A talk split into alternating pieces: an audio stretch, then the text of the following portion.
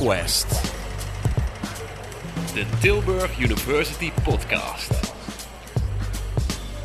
Science Quest. Welkom bij deze eerste aflevering van de podcast van Tilburg University. In deze podcast gaan wetenschappers in op onderwerpen over mens en maatschappij die jou en mij bezighouden.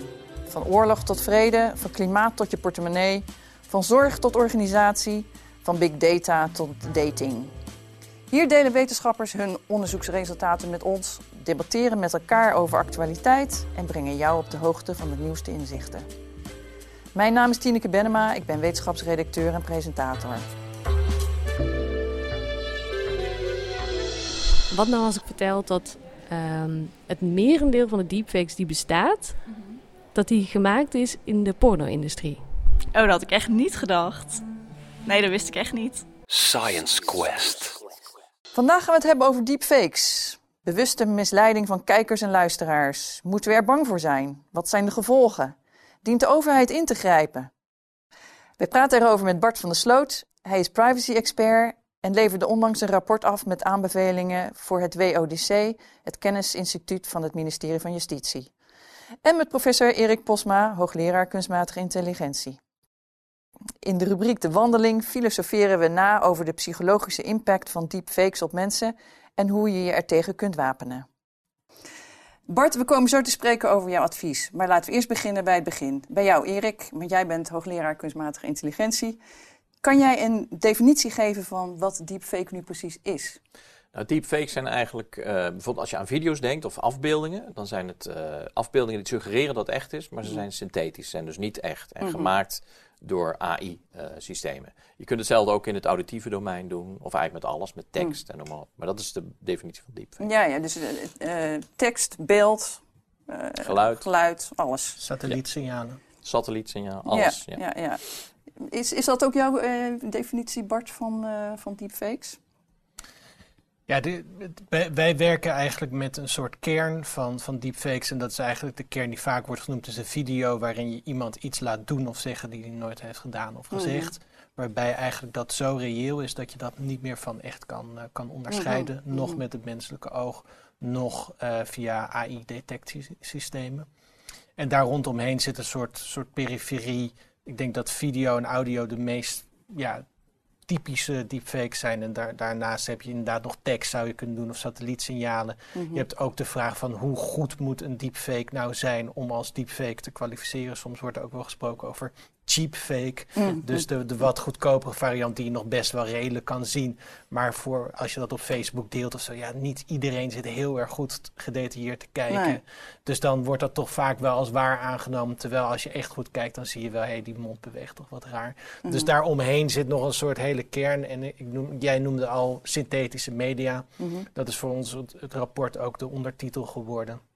Eigenlijk gaat het breder over ja, gemanipuleerde content. En, en daarbij is de voorspelling dat zeg maar deepfakes, maar algemener de, de synthetische media, dat over een aantal jaar meer dan 90% van alle online content geheel of gedeeltelijk gemanipuleerd is. Ja, dat, dat is natuurlijk enorm. Om, om, kleine dingetjes, je, je huid die wat egaler wordt gemaakt uh, bij videobeldiensten ja. of dat soort dingen. Maar ook dus om die hele grote deepfakes, waarbij je echt iemand iets kan laten zeggen of doen. Uh, die nooit en, gedaan. Maar goed, dat, dan heb je het over kleine uh, touches of, of, of, of manipulaties. Maar waar praten we nu eigenlijk over als we het over deepfake hebben nu? Wat, wat betreft dat nou? Wat is het grootste deel van die deepfakes? het grootste deel is porno. Dat is porno. De porno. Meer, ja, dat is een beetje lastig, maar er zijn onderzoeken die zeggen ongeveer 96% van alle deepfakes zijn nu uh, non-consensual porn. Dus dat mm. betekent gewoon dat je van je ex-vriendinnetje of van een bekende persoon uh, uh, porno maakt. Mm. en dat is vaak al genoeg dat je een foto hebt en dat kan je omturnen tot een bewegend beeld. Mhm. -hmm. Ofwel je, je integreert dat met een bestaande pornovideo. Um, en, en, laat dus, nou ja, wie dan ook allerlei handelingen verrichten op dat seksuele vlak. Dus dat is eigenlijk ook wat wij hebben gevonden, we hebben best wel wat experts wereldwijd ook geïnterviewd. Die zeiden ja, als iets 96% van de gevallen wordt gebruikt voor één bepaalde toepassing, dan moet dat eigenlijk ook in de definitie. Dus een tafel kan je voor heel veel dingen gebruiken. Je kan erop staan en weet ik veel wat. Maar vaak wordt het gewoon in de stoel voor een, een basisfunctionaliteit gebruikt, die we ook opnemen in de definitie. Dus dat is ook bij deepfakes zijn er wel stemmen op. Je weet niet of dat altijd zo zal gebeuren. Hè. Er zijn ook best wel veel andere toepassingen. Dus binnen de, de filmindustrie wordt het veel gebruikt. Zijn dan een aantal films gemaakt met dode en overleden personen die weer tot leven worden gewekt. Uh, je kan met uh, Skype-diensten, kan je bijvoorbeeld met een Chinese collega spreken. En dan wordt automatisch niet alleen wat hij zegt vertaald in het Engels of het Nederlands, maar ook de lippen gesynchroniseerd. Je kan in de retail sector heb je bijvoorbeeld het idee dat je je kleding online kan, uh, kan passen, maar dan op een deepfake. Mm. je, je hebt op, op heel veel verschillende in games, in, in de medische sector voor toepassingen. Je kan als politie kan je infiltreren, bijvoorbeeld door middel van fake kinderporno mm -hmm. in netwerken. Je kan fake klantenprofielen aanmaken. Dus er zijn eigenlijk heel veel verschillende toepassingen die je hiermee zou kunnen doen. Mm -hmm. Veel ook goed, uh, maar dus als je vraagt waar wordt het nu vooral voor gebruikt, dan, dan is, is dat gewoon... heel simpel porno. Ja. ja. en, maar, maar nog eventjes, wie, wie doen dat dan? Mannen. maar je zegt van hun vriendinnetjes eventueel? Of is het alleen maar, heeft het commerciële doelen? Het wordt deels ook gebruikt door de pornosector zelf. He, dan hoef je als, als, als, als pornoactrice niet allerlei al te extreme dingen te doen. Uh, maar het, het, meeste is gewoon huisvleit van, van, van mannen die dat. Daarmee is het ook begonnen. Hè. De, de term deepfake komt van een Reddit-pagina waar uh, ja, gewoon heel simpel toen nog, nog, nog redelijk goed te onderscheiden. Maar het, het hoofd van een vrouw op een pornoactrice werd geplakt. Mm. En daar werd toen de term deepfake voor gebruikt. Mm. Daar is het echt ontstaan. Dat doen gewoon mannen die vinden dat leuk om publieke personen vaak of inderdaad mensen in een nabije omgeving uh, ja, dat soort handelingen te mm. laten verrichten. Ja, het grappige is dat Facebook heeft een privacy preserving methode ontwikkeld. Mm -hmm. En hebben ze gedemonstreerd. Dan zag je beroemde acteurs of actrices in een interview. En lieten ze zien, je kunt er een ander gezicht op zetten. En dan zijn ze, is de privacy gewaarborgd, want het is dan iemand anders. Ja. Maar dat is natuurlijk de omgekeerde toepassing. Ja, ja, dus je ziet daar heel vaak die technologie op, op twee manieren toegepast kan worden. Nou, Erik, jij houdt je natuurlijk eh, bezig met uh, kunstmatige intelligentie. Wat vind je ervan als je dit allemaal zo hoort, wat er allemaal voor negatiefs mee gebeurt? Ja, dat is van alle tijden. Ik bedoel, het is niks nieuws. Um, ik denk dat. En het, het interessante is, het is eigenlijk niet alleen de technologie. Want het grappige, en dat zie je eigenlijk in de. Niet alleen met deepfakes, maar over de hele nieuwsvoorziening. Mm -hmm. Dat is begonnen met deep, deep, of fake news en dergelijke. Dat uh, mensen kunnen ook van waarheidsgetrouwe video's zeggen dat het deepfakes zijn. Mm. En dan heb je helemaal geen technologie nodig. Dus je ziet dat die grens vervaagt tussen wat echt en niet echt is. Mm -hmm. En dat betekent dat onze maatschappij daaraan moet leren wennen. Dat gebeurt ook wel, maar dat kost natuurlijk tijd. Mm -hmm. Dus wat mensen langzamerhand moeten ontwikkelen is net zo wat wij nu met mail hebben. Als ik een uh, mailbericht krijg van dat als ik duizend euro overmaak, ik kans maak op een deel van die miljoenen van die yeah. Saoedische prins te krijgen. Yeah. Dan weet ik nu ook dat dat fake is. Yeah. Dat, uh, en dat is natuurlijk een andere orde dan visueel, want mensen zijn heel erg gevoelig voor visuele stimuli. -hmm. Dus onlangs nog een onderzoek gedaan dat mensen meer vertrouwen hebben in fake gezichten dan echte gezichten. Mm -hmm. Dat is een puur psychologisch effect. En het kan nog erger, want je kunt de gezichten ook zo manipuleren dat mensen ook verleid worden. Hè? Dus daar zitten, daar zitten wel gevaren in. Mm -hmm. Maar ik denk dat de grootste redding of tegenactie is mensen zelf. Mensen leren dat, herkennen dat je niet zomaar moet vertrouwen op video's. Mm -hmm. En we moeten daar natuurlijk iets voor verzinnen, waardoor je weet van nou, dit komt van een betrouwbare bron. Want je ziet nu aan de lopende band dat er allerlei nieuws gegenereerd wordt, die soms ook door gepolariseerde nieuwsdiensten uh, opgepikt worden. Mm -hmm. En ik zie dat persoonlijk meer als een groter probleem dan die deepfakes. Want mm -hmm. deepfakes zie ik als een uiting van een onderliggend probleem, wat ook door AI of eigenlijk machine learning komt. Die polarisatie in de maatschappij, die komt door al die algoritmen die mensen voeden met ja, zeg maar eenzijdige informatie. En dat leidt tot polarisatie. En daar groeien dit soort video's en, en berichten die in feite fake zijn of verzonnen zijn, heel erg. En hoe komt het dat wij daar toch zo in geloven, terwijl het echt nep is? Is het echt zo ontzettend knap gedaan? Of? Nou, de laatste voorbeelden die van Putin en Zelensky, die waren eigenlijk heel slecht. En je ziet ook dat je dan beter een bericht kunt sturen, dus goedkoper dan zo'n video, want het is niet overtuigend. Ja. Maar je kunt ervan uitgaan, die technologie schrijdt voor. En tot nu toe, we zijn aardig in staat om te detecteren of het een uh, deepfake is of niet. Mm -hmm. Maar die, dat wordt steeds lastiger mm -hmm. en steeds moeilijker. Dus ik denk uiteindelijk moet je toch naar iets dat je een eh, een soort onafhankelijk kanaal hebt van dat je weet, oh, dit is een betrouwbare bron. Zoals we nu bijvoorbeeld ook het, het NOS-journaal, nou, niet iedereen is het ermee eens tegenwoordig, maar dat je zegt, nou, dat is in ieder geval een betrouwbare bron. En als ze dan iets fout eh, rapporteren, dan komen ze er later ook wel op terug. Dus je moet een betrouwbare bron hebben die nieuws eh, voorziet. En eh, daarom zeg ik, dat heb je nu op internet natuurlijk ook allerlei verhalen die nergens op gebaseerd Ja. zijn door pseudo-journalisten die Ja. eigenlijk daar niet goed voor opgeleid zijn. Ja. Dus daarom denk ik, dit is eigenlijk een, een breder probleem. En dat moet je aanpakken door mensen beter daarin te trainen. Dus Mhm. Journalisten, maar ook gewoon scholieren. Mhm. Dat ze voorzichtig moeten zijn met het interpreteren van nieuws en van eh, videobeelden. Mhm. En ik, ik denk, als je nu denkt aan Facebook, nu Meta. Ik hoorde onlangs een podcast met eh, Mark eh, Zuckerberg, die eigenlijk heel erg bevlogen is voor dat, die virtual reality die we straks hebben. Ik weet niet of dat gebeurt, maar dat iedereen met zo'n bril op zit. En dan kun je dus heel goed deepfakes gebruiken. Ster- sterker nog, hij gelooft daar heel erg in dat je dan een bepaalde identiteit kunt aannemen. En dat vind je een gevaar? Nou, het, dat, ik weet niet of dat een gevaar is. Het, het geeft eigenlijk aan dat er een tendens is dat de grens tussen werkelijkheid en virtualiteit Hmm. verschuift. Ja, ja. En daar moeten wij ons als maatschappij aan aanpassen. Dat zal ook wel gebeuren. Dus ik ben nooit zo van die alarmistische verhalen. Het is Hmm. meer iets dat ik denk, oké, wij moeten ons daaraan aanpassen. Want die technologie is, komt eraan, die wordt steeds beter. En eh, ik herinner me nog, want zo oud ben ik inmiddels wel, die verhalen van internet. Oh, gaan dan de universiteiten verdwijnen? Dat was ook, Hmm. de, meestal zit je daarnaast, want het is heel moeilijk de toekomst voorspellen. En dat komt omdat je niet alleen naar de technologie moet kijken, maar ook naar mensen, hoe ze daarmee omgaan. ja, ja. Eh, ieder die kinderen heeft, ziet al het verschil. Hoe Ja, kinderen nee, reageren op technologie of ouderen. Dus, Ja, nou goed, daar gaan we het straks ook nog even over hebben. Ehm, even terug naar jou, ehm, eh, Bart. Wel of niet alarmistisch? Moeten we de, de alarmbellen laten rinkelen op dit moment? Over deepfakes. Ja, nou, ik denk wel dat er een aantal eh, grote zorgen zijn. Dus ik ben het helemaal eens hoor met, met jou. Dat, dat eh, A is het iets wat altijd bij technologie wordt, wordt gezegd. Dat had je al bij de drukpers. was eigenlijk hetzelfde. Oh, nu kan iedereen zomaar zijn eigen mening verspreiden. En dat gaat ook dan in het begin fout. En daarna staan, staan er allemaal sociale constructen, juridische constructen. Maar ik denk wel dat ook toen en ook toen het internet opkwam, er wel alarm is, is eh, geweest. En dat daardoor ook wel dingen in gang zijn gezet. Mhm. En dat het, er ook wel serieuze gevaren waren. En die, die zijn gemitigeerd door allerlei maatregelen treffen. En dat denk ik dat we nu ook moeten doen. Ja. En, dat, dat, eh, en, en ook waar ik mee eens ben over ze, i- is dat eigenlijk deepfakes als zodanig misschien niet het, het meest interessante is. Het, het, het accelereert op, op een zekere ma- manier eigenlijk allerlei sociale tendensen die Mhm, toch al aan de hand zijn. Dus nepnieuws is al aan de hand, vrouwenhaat op internet is al aan de hand, Mhm. noem maar wat op. Ja, ja. Dus dat, dat gaat eh, deepfake doen. Maar er zijn wel een aantal eh, punten waarvan ik toch denk... Ik, ik vraag me af of we daar met bewustwording alleen, zeg maar, dat we, of we daar komen. Nou ja, je, je hebt een, een, een advies uitgebracht hè, aan eh, het WODC. Kan je vertellen wat daar de Ja. conclusies waren? Nou ja, voor, voor, die, voor die gevaren, zeg maar, dat, dat, dat zit hem in ehm, de positie van, van vrouwen. Dus heel veel mensen die wij hebben gesproken zeggen... ja, goh, je kan bijvoorbeeld van jonge opgroeiende meisjes op een middelbare school... zo een deepfake porno maken.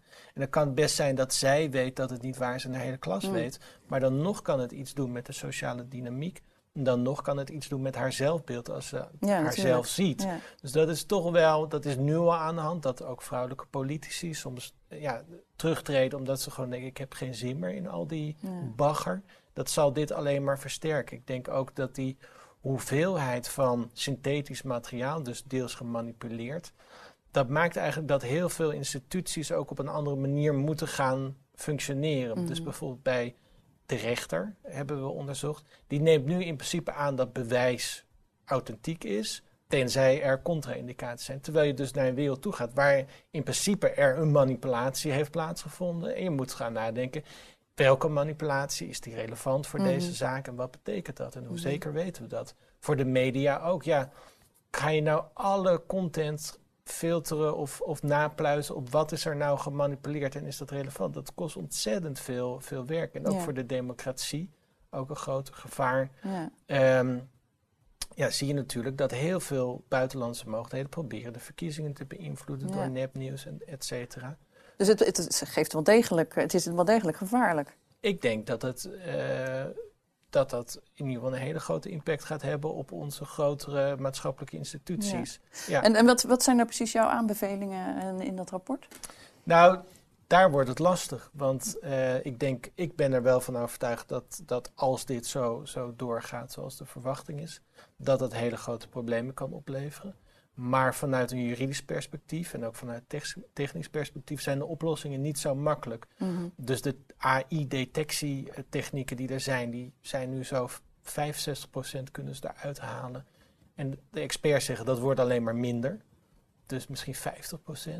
Mensen inderdaad bewust meer bewust maken kan helpen. Maar wat je krijgt is dat er hele fake omgevingen worden gecreëerd. Dus een fake video, maar dan fake Twitter-accounts die daarover gaan discussiëren. Fake audiofragmenten die Mm, daar dan ja, weer op ingaan. Dat wordt steeds lastiger eigenlijk.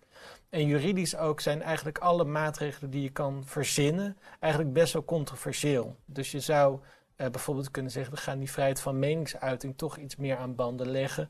Dat je bijvoorbeeld niet onwaarheden mag spreken. Maar ja, dan wie gaat dat bepalen? Gaat de staat dan bepalen wat waar is Ja. of wat niet? Dat is precies waar Orwell voor, voor vreesde in zijn 1984. Ja. Ehm, je, je kan zeggen van goh, we, we gaan eh, mensen die, die dingen achter hun computer maken, dus deepfake porno bijvoorbeeld, dat gaan we zelfs al strafbaar maken. Dus zelfs als verspreid je dat niet, dan nog gaan we daar kijken. Maar ja, wil je een overheid die, die echt gaat controleren wat mensen achter hun eigen computer eh, doen? Nee, dat, dat willen we natuurlijk niet. Nee, dat willen we. Nou ja, dus maar we dan? willen ook niet een maatschappij waarin eh, het, het letterlijk met, met een minuutje te doen is om een, een, een fake porno van, van je buurmeisje te maken. Ja. En, en dat dat. En nou dat ja, iedereen elkaar gaat wantrouwen. In het- wantrouwen en, en dus een groter maatschappelijk probleem wordt dat je inderdaad ja, niet meer weet wat nou echt Ja. is, wat nep en wie je nog kan vertrouwen en wie niet. Ja. Dus het is elke keer van, je wil het ene niet. We noemen dat ook steeds het kie- kiezen tussen Scylla en Charybdis, de, de vroegere twee monsters waar Odysseus tussen moest varen. Ja, eigenlijk kan je alleen maar tussen kwade kiezen. Dus niks doen, dat, dan weet je eigenlijk dat er een aantal dingen heel erg fout gaan. Mm. Maar de oplossingen, dan weet je ook eigenlijk dat je in, een- in een samenleving komt die, die niet, zo, eh, niet zo wenselijk is. Dus daar moet in ieder geval een heel erg eh, goed politiek debat over worden gevoerd. En dat hangt ook heel erg af van je ethische visie, van je politieke visie. Van waar vind je nou dat grenzen eh, moeten liggen. En dan kom ik toch terug. Wat, wat, zijn precies jouw concrete aanbevelingen in het. in Dat, je stuk? dit soort dingen moet overwegen. Een ander voorbeeld is over volstrekt door AI gecreëerde personen en het tot leven wekken van dode personen. Daar zijn nu eigenlijk helemaal geen grenzen aan. Terwijl, eh, ja, wat kan je eigenlijk met een volledig... Hè, je hebt bijvoorbeeld thispersondoesnotexist.com. Daar kan je naartoe gaan, dan zie je hele reële eh, foto's van, van niet bestaande personen. Dat kan ook in video worden verwerkt. Ja, daarbij is ook niemand meer die gaat zeggen: hé, hey, dat ben ik niet of dat heb ik niet gedaan. Dus de Mm. kans dat je dat gaat tegenspreken is heel klein. Mhm. Maar kan je zo iemand nou alles laten doen? Kan je die in een, in een pornofilm laten spelen? Of zijn er morele grenzen aan? Hetzelfde geldt bij overleden personen. Er zijn nu bedrijven die zeggen: ja, je kan nog na de dood van je, van je partner, kan je daar decennia lang mee praten. Of je kan die op zijn eigen begrafenis een speech laten geven. Of de Dali gaat nu deepfake een rondleiding geven in, in, in een museum. Of Napoleon geeft een, een, een, college in de middelbare schoolklas. ja, is dat leuk of, of is het creepy? Dus dat zijn allemaal van die vragen. Ehm, waar wij, wij hebben dus niet aanbevelingen gedaan van goh, je moet dit nu Mhm. verbieden of je moet dat. Maar wel, dit zijn de thema's die nu, nu voorliggen. Ja, Daar ja. ligt nu geen regulering. En daar zou je wel over moeten nadenken of je dat wil en welke type regulering dan wil. Daar hebben we verschillende varianten voor uitgedacht. Van goh, dit zou meer beperkend zijn, maar Mhm. dan heb je wel deze en deze voorbeelden. Zou jij daarvoor zijn, eh, Erik? meer regulering? Nou, ik, eigenlijk, ik denk dat het grootste verschil tussen ons beiden is dat ik, ik zie de oorzaak eh, niet in de toekomst, maar nu al, al eerder, af, misschien al tien jaar geleden. Toen is er ook al voor gewaarschuwd dat die al, kleine algoritmen Mhm. die gekoppeld zijn aan websites, hè, de eh, nieuwsvoorziening en et cetera, die zeg maar eh, personaliseren. En die leiden tot polarisatie. De effecten daarvan kun je elke dag in de krant Mm. Dat is eigenlijk de oorzaak. En eh, cyberbullying kan nu ook al. Dat hoeft niet met deepfakes, dat kan ook met, met tekst en met andere verdachtmakingen. En dat gebeurt helaas ook heel veel. En je ziet eigenlijk dat de oude manieren waarop we dat konden reguleren, met de oude instelling, dat dat niet meer werkt. Dus wat je eigenlijk ziet is dat onze samenleving niet om kan gaan met die nieuwe... Ja, ik, ik vergelijk het wel eens met het, het dorpscafé waar de grootste onzin wordt verkondigd, met het belevend café. Maar nu gaat de hele wereld over via Ja. Twitter en noem maar op. Ja. Daar is onze maatschappij niet op ingericht. er En ik heb geen kant-en-klare oplossing. Ik denk niet dat alleen maar eh, de, de wettelijke oplossingen. Nee, we moeten als maatschappij nadenken van hoe we daarmee omgaan. En eh, deels is dat goede opleiding, maar deels is dat ook regulering in de zin dat je betrouwbare bronnen hebt of dat dat op de een of andere manier gecontroleerd wordt. Zoals we het in het verleden ook deden, maar dat was natuurlijk een heel andere wereld. Mhm. En ik denk, eh, veel heeft ook te maken met die enorme technische bedrijven, grote technische bedrijven, die niet kwaadaardig zijn, die willen gewoon geld verdienen. Misschien is dat kwaadaardig, maar die zich vaak niet realiseren. Want dat hoor ik in die interviews met mensen als Mark Zuckerberg. Ik denk echt dat hij denkt dat hij heel goed bezig is, Mhm. omdat hij sociale verbindingen versterkt. Maar het grote probleem is dat ze voorbij gaan aan het effect van die hele kleine machine learning algoritmen op eh, de menselijke emotie. Dat mensen eh, zijn niet gewend om daarmee om te gaan. Ja. Die, de- die zien het nieuws en dat is hun wereld. En eh, ik zie dus die deepfakes, want ik deel eh, het, he- de, het gedachte helemaal dat dat natuurlijk steeds erger wordt. Maar ik zie het als een uiting van iets wat al lang gaande is. En waar we, ja, waar we dagelijks getuigen van zijn. Ja. En, ja, maar ja, je, je, zegt- je, ehm, hoe moeten we ermee omgaan? Ja, wat eh, concreet, ik bedoel, er wordt natuurlijk al over gediscussieerd, maar wat kunnen we dan? Nou, het begint al met eh, opleidingen. Dus ik vind dat je op basisscholen, middelbare scholen en op universiteiten. Eh, want ik heb collega's van jou wel gesproken. Die zeggen, ja, eigenlijk moet elke informaticus moet ook eh, meer eh, weten van de rechten en ethiek. Daar ben ik helemaal mee eens. Maar dan ook het omgekeerde. Dus ook de mensen die in de humanities en social science moeten ook een beetje weten wat die technologie wel en niet is. Mhm. En dat die langzamerhand die bewustwording gecreëerd wordt. En dat we samen proberen tot oplossingen te komen. Want het is gewoon een herinrichting van de maatschappij. En ik zeg niet dat ik weet hoe het moet, maar ik weet wel dat zoals het nu gaat, dat het zo niet moet. Ja. Want het is duidelijk dat dit eh, escaleert. Ja. En dat is niet alleen de deepfakes, het is veel breder dan dat. Maar het, het- wat mij altijd verbaast, want ik word heel vaak gevraagd, ja, maakt u zich zorgen over de toekomst van de AI? Ik denk, nee, de toekomst nu. het gebeurt nu al. Ja, Op- om ons ja, heen. ja, ja, precies. En, en daar weten we gewoon eigenlijk te weinig van als leken. We zijn er niet op voorbereid. Nee, Nee. onze maatschappij is er niet op Nee. ingericht. Zie jij een, een, een mogelijkheid in opleiding en bewustwording? Ik vind dat, ja, dat is altijd goed. Maar ik vind het ook een beetje een dooddoener. Het is ook waar het kabinet heel sterk op inzet bij technologie. En ik snap dat ook wel. Maar het is ook wel een keuze om eigenlijk niks te doen. Zeg maar niet iets concreets nu. En, en dat, dit zie ik als iets wat je in ieder geval moet doen. En dat ben ik ook, ook denk dat het op lange termijn het, het grootste effect gaat hebben. Maar het is wel een keuze om dan eigenlijk nu qua wetgever bijvoorbeeld niet, niet in te grijpen. En dat, dat vind ik wel, gezien bijvoorbeeld deze gevaren, ja, we hebben ook wel vaker met andere technologieën gehad. Soms denk ik ook, kan je als wetgever wel zeggen, we verbieden dit gewoon. En bijvoorbeeld bij de deepfakes hebben wij gezegd, je zou kunnen overwegen om dat voor de consumentenmarkt in ieder geval te verbieden omdat daar eigenlijk het grootste probleem zit voor die porno. Dat doen vaak, vaak burgers. En ook voor het verspreiden van nepnieuws. Dat, dat, dat is zo lastig, omdat je eigenlijk niet meer controle hebt over nou, die miljoenen mensen die toegang hebben tot die, die app. Terwijl het voordeel voor burgers van het gebruik van deepfake, als dat er al is, dan zit dat in satire, zeg maar, door grappig filmpje Ja, precies. Wat, dus zijn er goede toepassingen? Die- Erik, in jouw werk heb je, neem ik aan, dat misschien ook wel bij de hand? Ja, ja, nee, uiteraard zijn er goede toepassingen. Je- Je kunt aan de entertainmentindustrie Ja. denken en daar gebeurt het ook wel heel veel. En eh, bijvoorbeeld als je nu naar zo'n eh, Disney-film kijkt, Toy Story of wat, wat is het allemaal, dan zijn het eigenlijk acteurs die met motion capture gefilmd worden. Mhm. En dan plakken ze dan een, een, zo'n zo'n animatie-ding op. Nou, in de toekomst kan dat misschien volledig automatisch. Dus er zijn wel toepassingen denkbaar. Je kunt ook denken aan trainingen. Bijvoorbeeld artsen die moeten op, eh, opgeleid worden om met eh, patiënten om te gaan. Dat zijn nu meestal acterende patiënten. Mhm. Dat zou je ook, daar zou ook deepfakes in kunnen zetten. Ja. er zijn ongetwijfeld nog veel meer toepassingen. Dus ik denk dat dat heb je met alle technologie. Je hebt goede en slechte toepassingen. Ehm, eh, overigens denk ik niet dat, dat wat. Ik wilde niet suggereren dat opleiden alleen genoeg is. We moeten meer doen. We moeten als maatschappij nadenken over waar je wel moet reguleren en waar niet. En met name de zwakkeren beschermen. Want dat ben ik helemaal met je eens. Dat, eh, eh, maar dat geldt ook al, zoals ik zei, voor het cyberbullying en Mhm. dergelijke. En dat is heel moeilijk om daar grip op te krijgen.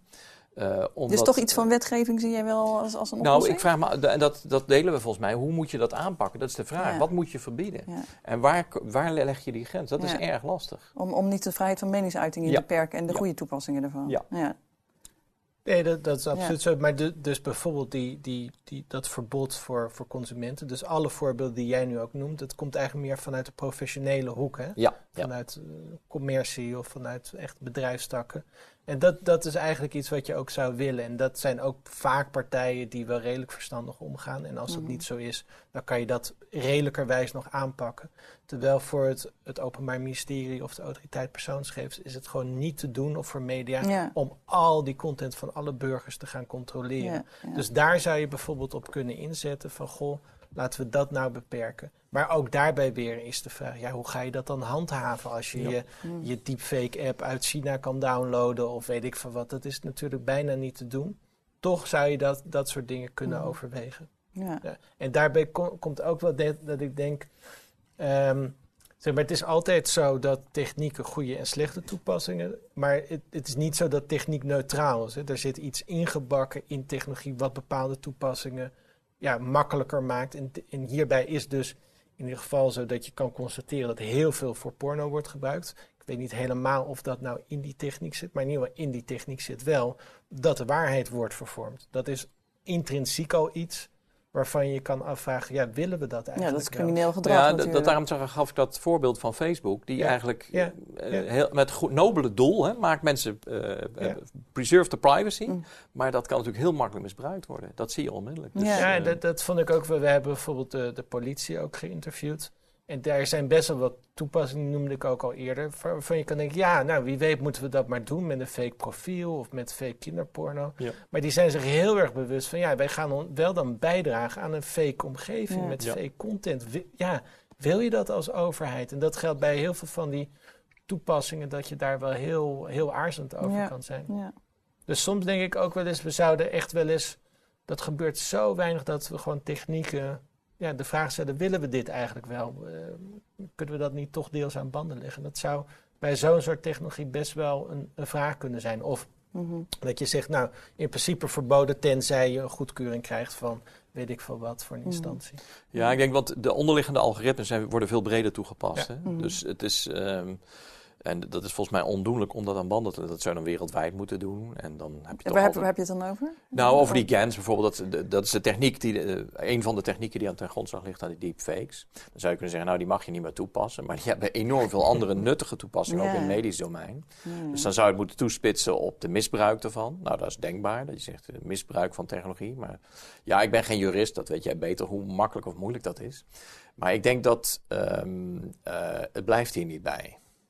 Die deepfakes is een tussenstation. Straks heb je heel overtuigende deepfake video's, dus echt met gedrag. En of dat 10 jaar duurt of 20 jaar, maar die komen natuurlijk aan. Dus ik denk over de hele linie moet je nadenken van hoe gaan wij hier als maatschappij mee Je om. moet ons veel beter voorbereiden. En, ehm, en dat zit deels in opleiding, maar niet alleen daar. Dat ben ik met, je eens. Het, het moet ook meer gebeuren. Regel, reg- regels eh, of, of eh, regulering op de een of andere manier. Mhm. En het is totaal nieuw, want het heeft zich Ja. nog nooit eerder ja, precies. voorgedaan. Geen deze, precedent dit. eh, Nee. nee. inderdaad. Ja, eh, moeilijk allemaal, maar wat kunnen we er zelf nog aan doen? Je Als, als consument, hoe kunnen we ons eh, daarop voorbereiden? Heb je nog, hebben jullie nog ideeën daarover? Ik denk dat dat steeds moeilijker wordt. Dus daar helpt bewustwording en daar helpt gewoon kritisch nadenken. Maar ja, daarom ben ik ook gewoon een beetje sceptisch. Dat ik denk, ja, we- ook dat is een ontwikkeling waarbij gewoon steeds meer mensen op Facebook gewoon even snel. Hè, hoeveel mensen lezen er nou nog een krant bijvoorbeeld? Dat is gewoon echt heel weinig. En, en de meeste mensen halen gewoon van snelle filmpjes, Mm. berichtjes en kijken niet heel kritisch. Dat zou denk ik überhaupt goed zijn om dat wat meer te stimuleren. Check altijd je bron natuurlijk. St-. Ja, maar ja, Ja. hoeveel mensen doen dat nou? Ja. Laten, laten we daar ook reëel in zijn. Ja. En je kan het wel zeggen met goede gronden. En dat, ik hoop dat dat ook beklijft. Maar ik, ik, ik aarzel daar wel een beetje of we die trend nog kunnen keren.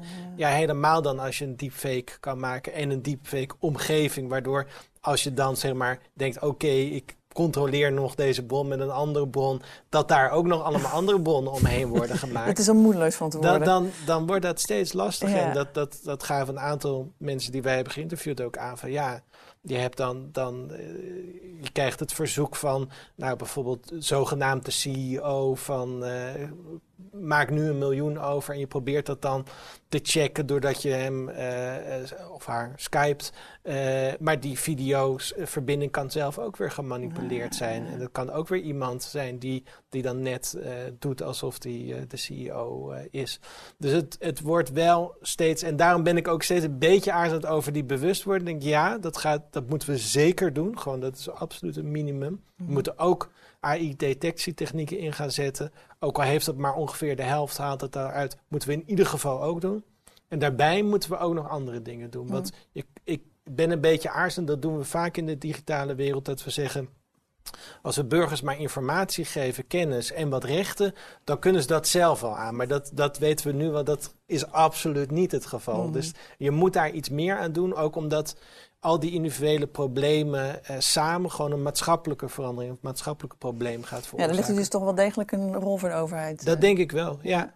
Erik, heb jij nog eh, tips voor Ja, ik mensen? ben optimistischer, omdat ik... eh, kijk, als je nu naar eh, Putin kijkt, die slaagt er toch in om een groot deel van de bevolking achter zijn interpretatie van...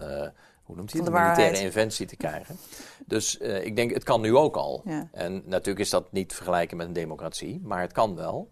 Maar ik denk dat eh, de kracht van mensen en de menselijke gedachte niet onderschat moet worden. We zijn niet allemaal slaven van internet. En er is heel veel diversiteit. En ik denk dat we dat proberen, moeten proberen hoog te houden. En ik ben niet, niet naïef. Ik, ik, ik- wat ik zei, kijk maar in de krant. Je ziet elke dag dat die, die rare verhalen eh, weerklank vinden. Maar ik denk, ik zie dat ook als een fase waar we doorheen moeten. En eh, ik ben het ermee eens dat die deepfakes niet helpen. Maar ik heb enig vertrouwen in de mensheid dat ze daar wel bovenuit komen. En dat, dat is een gezamenlijke actie. Het is natuurlijk op Europees niveau ook de ambitie om er iets aan te doen. Maar het vervelende is natuurlijk dat al die innovaties uit Amerika en China komen. En eh, met name uit Amerika. En dat Europa daar toch behoorlijk achter loopt. Dus ze hebben die ambitie wel om dan iets te doen aan responsible AI en dergelijke. maar eh, ik zie vooral veel collega's die op het funding afspringen, maar niet echt mee bezig zijn met. eh, het is heel veel window dressing. Ja, ja, ja. Eh, bij de grootste conferentie op het gebied van de AI moeten AI-onderzoekers nu een, een paragraaf schrijven over de ethische aspecten. Mhm. Ja, dat is ook window dressing. Dat slaat echt helemaal nergens op. Want dat moet je niet aan die AI-onderzoekers overlaten. Ik denk juist wat je nodig hebt, is mensen met andere disciplinaire kennis kijken van wat zijn nou goede oplossingen.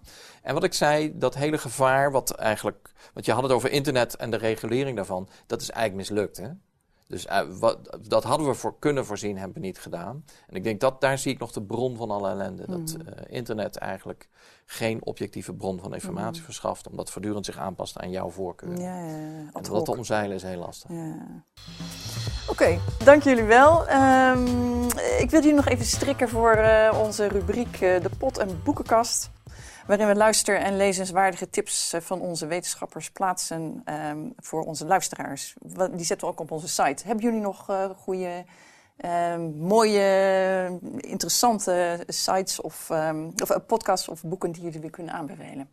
Ja, ik ben zowel vooral een groot lezer, dus ik koop echt tientallen honderden boeken per jaar. Dus eh, daar kan ik een uur een podcast vol mee vullen. En ook wel een groot podcastfan. Ik zal één podcast uithalen die ook aan dit thema raakt.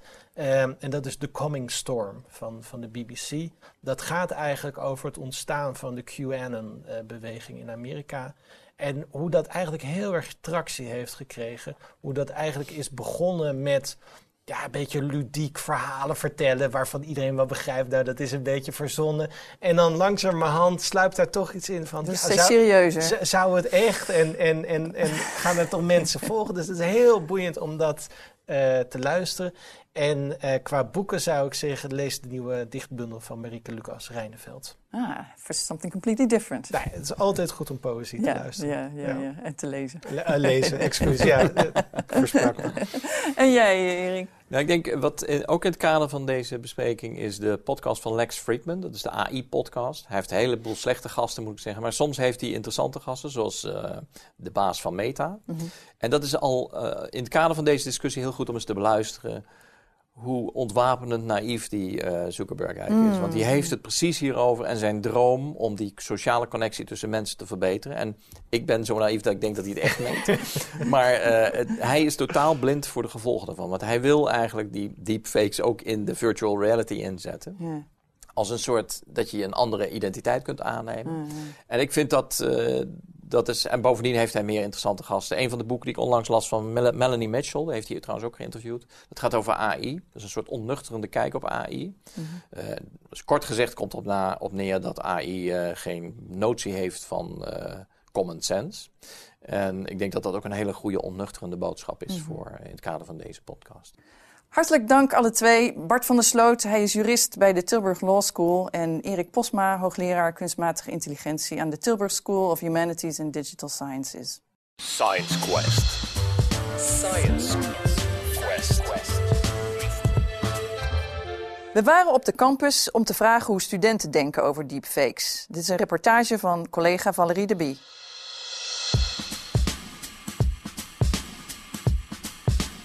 Ik heb daar nog nooit van gehoord, eigenlijk. Dus ik weet niet wat een deepfake is. Eh, om eh, aandacht te trekken of om mensen over te halen om eh, ergens op te klikken of verder te kijken. Ik denk vooral daardoor. Het kan ook, denk ik, worden gebruikt van mensen die het niet met dat soort mensen eens zijn om ze juist in een slecht daglicht te zetten. Eh, als ik denk aan deepfakes, ja, dan denk ik eigenlijk een beetje aan de gevaren daarvan. Nee, ik denk eigenlijk dat die niet eh, goed zijn te herkennen. Want ik kan nu wel zeggen, ja, ik zou het herkennen. Maar ik denk dat het, het, gaat natuurlijk allemaal per algoritmes en die leren ook van zichzelf. En het gaat natuurlijk op een, ja, op een snelheid die denk ik voor heel veel mensen niet te bevatten is. Het safe to say, om maar even zo te zeggen, om te zeggen, nee, ik kan dat niet herkennen. Voornamelijk voor van die stomme filmpjes op TikTok. Nou ja, het, is gebaseerd natuurlijk op artificial intelligence. En ehm, het hele ding daarvan is dat het dus steeds beter wordt eh, naarmate de tijd vordert. Ehm, dus ik denk dat het ook steeds moeilijker kan worden om deepfakes te herkennen. Eh, en ik denk dat het natuurlijk ook een, een negatieve kant, eh, ja, negatieve gevolgen kan hebben. Ehm privacy schending, dat soort dingen. vertrouwen in publieke figuren die bijvoorbeeld eh, tot deepfakes worden gemaakt, zodat eh, ja, het vertrouwen in de media misschien afneemt. Ehm, het eerste waar ik aan denk als ik denk aan deepfakes, dat is eigenlijk, zijn de filmpjes die ik ervan heb gezien. Dus veel eh, politieke deepfakes van eh, presidenten die iets zeggen wat ze nooit hebben gezegd. Heb je een specifiek voorbeeld? Eh, volgens mij was er eentje van Obama en ook van Trump die gewoon rond zijn gegaan. Ik weet niet meer precies wat er werd gezegd, maar die heb ik wel gezien. Had je meteen door dat het ging om een deepfake? Nee, nee, helemaal niet. Ik had het eigenlijk helemaal niet door dat het daarom ging. Eh, en ik denk dat het daarom ook is blijven hangen eigenlijk. Want ik geef heel weinig verder om ja, technologie en eh, die ontwikkelingen. Maar omdat ik er zo erg dacht van, jeetje, is dit niet echt, eh, is dat wel blijven hangen. Wat nou als ik vertel dat ehm, het merendeel van de deepfakes die bestaat, dat die gemaakt is in de porno-industrie? Oh, dat had ik echt niet gedacht. Nee, dat wist ik echt niet. Science Quest. Dankjewel Valerie en alle studenten die meededen. Dan gaan we verder met onze reportage De Wandeling, waarin we hoog over naar het onderwerp deepfake kijken. Dit keer spreekt wetenschapsredacteur Femke Trommels met psychologe Jasmin Erbas. Zij is gespecialiseerd in emotieregulatie en ze werkt aan de Tilburg School of Social and Behavioral Sciences. Ik loop hier tussen de buien door met eh Jasmin Erbas. Zij is universitair docent ontwikkelingspsychologie. Eh, fijn dat je er bent, Jasmin. Eh, zou je misschien wat meer kunnen vertellen over jouw onderzoeksgebied? Ja, ik werk bij de onderzoeksgroep ontwikkelingspsychologie. Eh, en daar doe ik onderzoek naar emoties. Voornamelijk emoties in het dagelijks leven. Dus eh, wat voor emoties ervaren mensen? Eh, hoe is dat gerelateerd aan hun welzijn? Ehm, en waar ik voornamelijk naar kijk, dat is eigenlijk ja, hoe goed mensen zijn in het onderscheiden en in het eh, benoemen van hun emoties. Dus sommige mensen die, die zijn daar heel slecht in. Die zeggen vaak, ja, ik voel me slecht of ik, ben, ik voel me supergoed. Maar andere mensen die kunnen heel specifiek aangeven eh, welke emoties ze wanneer ervaren. En we zien dat dit dus ja, heel, heel voordelig is eigenlijk voor hun welzijn. Eh, dus dat is eh, in het kort waar mijn onderzoek over gaat. We hoorden net al even in het eh, interview over de deepfakes dat eh, het risico bestaat dat mensen eigenlijk niet meer zo goed weten waar ze nou naar kijken. Is het echt, is het nep? En eh, de studenten die we gesproken hebben, die twijfelen eigenlijk ook al eh, of ze überhaupt wel in staat zijn om zo'n deepfake te herkennen. Eh, wat, denk, wat denk jij daarvan? Kunnen we dat? Nee, dat kunnen we blijkbaar niet. Ehm, en ik vind het heel knap van onze studenten dat ze dat doorhebben. Uh, want uit onderzoek blijkt dat de meeste mensen eigenlijk denken dat zij wel heel goed zijn in het herkennen van deepfakes. Maar dat ze dat dus eigenlijk helemaal niet kunnen. Um, en dat is natuurlijk waar het gevaar ligt. Hè? Dat mensen ervan overtuigd zijn dat zij het wel zullen herkennen. Terwijl ja, dat eigenlijk helemaal niet zo is. Uit mijn onderzoek blijkt inderdaad dat hoe beter je um, bent in, in het achterhalen of echt heel precies kunnen, kunnen benoemen wat je nou voelt. Uh, dat dat wel heel voordelig is uh, voor het reguleren van je emoties. Dus echt even stilstaan bij: oké, wat is dat nou precies wat ik ervaar? Welke emoties ervaar ik? Waar komt dat vandaan? Waar wordt dat door veroorzaakt? Um, dat, ja, dat helpt mensen echt wel om dan vervolgens hun emoties uh, weer wat beter onder controle te kunnen krijgen. Omdat mensen dan eigenlijk veel beter kunnen, kunnen zien van goh, als ik die strategie toepas, um, dan kan ik mijn emotie, mijn negatieve emoties bijvoorbeeld verminderen. Een voorbeeld daarvan is, um, stel je voelt je heel slecht in het algemeen. Ja, dan is het heel lastig om, om te weten hoe je dat gevoel minder kan maken. Maar stel dat je weet van gewoon nu ben ik echt boos. Um, versus nu ben ik verdrietig. Ja, dat zijn twee hele verschillende emoties waar we natuurlijk op een andere manier mee om moeten gaan. Uh, dus op die manier kan het mensen echt wel helpen om ja, voor, voor jezelf heel goed uh, na te gaan en proberen uit te drukken ook welke emoties je nou precies ervaart. En is het raadzaam om uh, met, echt met die negatieve emoties aan de slag te gaan als je dat voelt als gevolg van deepfakes? Ja, absoluut. We moeten met uh, alle negatieve emoties die we ervaren aan de slag gaan. Zeker als die negatieve emoties ook heel intens ervaren worden. Um, dat kunnen we in principe op dezelfde manier doen hè, als met alle andere negatieve emoties. Dus bijvoorbeeld uh, een emotieregulatiestrategie toepassen. Maar ik denk dat het bij deepfakes vooral ook heel belangrijk is om ja, stil te staan bij het feit dat het doel van die deepfakes, dus waarom die deepfakes zijn gemaakt, dat dat is om juist mensen bepaalde emoties te laten voelen. Dus om een bepaalde respons uit te lokken, om mensen te overtuigen van iets.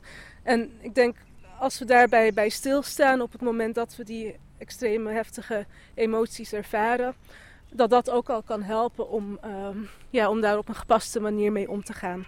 Het begint ondertussen hier buiten weer een beetje te druppelen, dus uh, gauw terug naar de studio. Science Quest. Dankjewel Femke Trommels en Jasmin Erbas. En met het einde van de wandeling zijn we gekomen aan het einde van ons programma. Dank voor het luisteren. Onze volgende podcast gaat over klimaat en klimaatdromers. De roep om snel en revolutionair te handelen in de klimaatcrisis wordt steeds luider.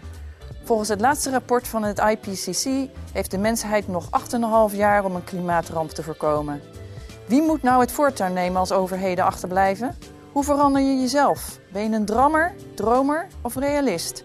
Stay tuned. Dit was Science Quest de podcast van Tilburg University.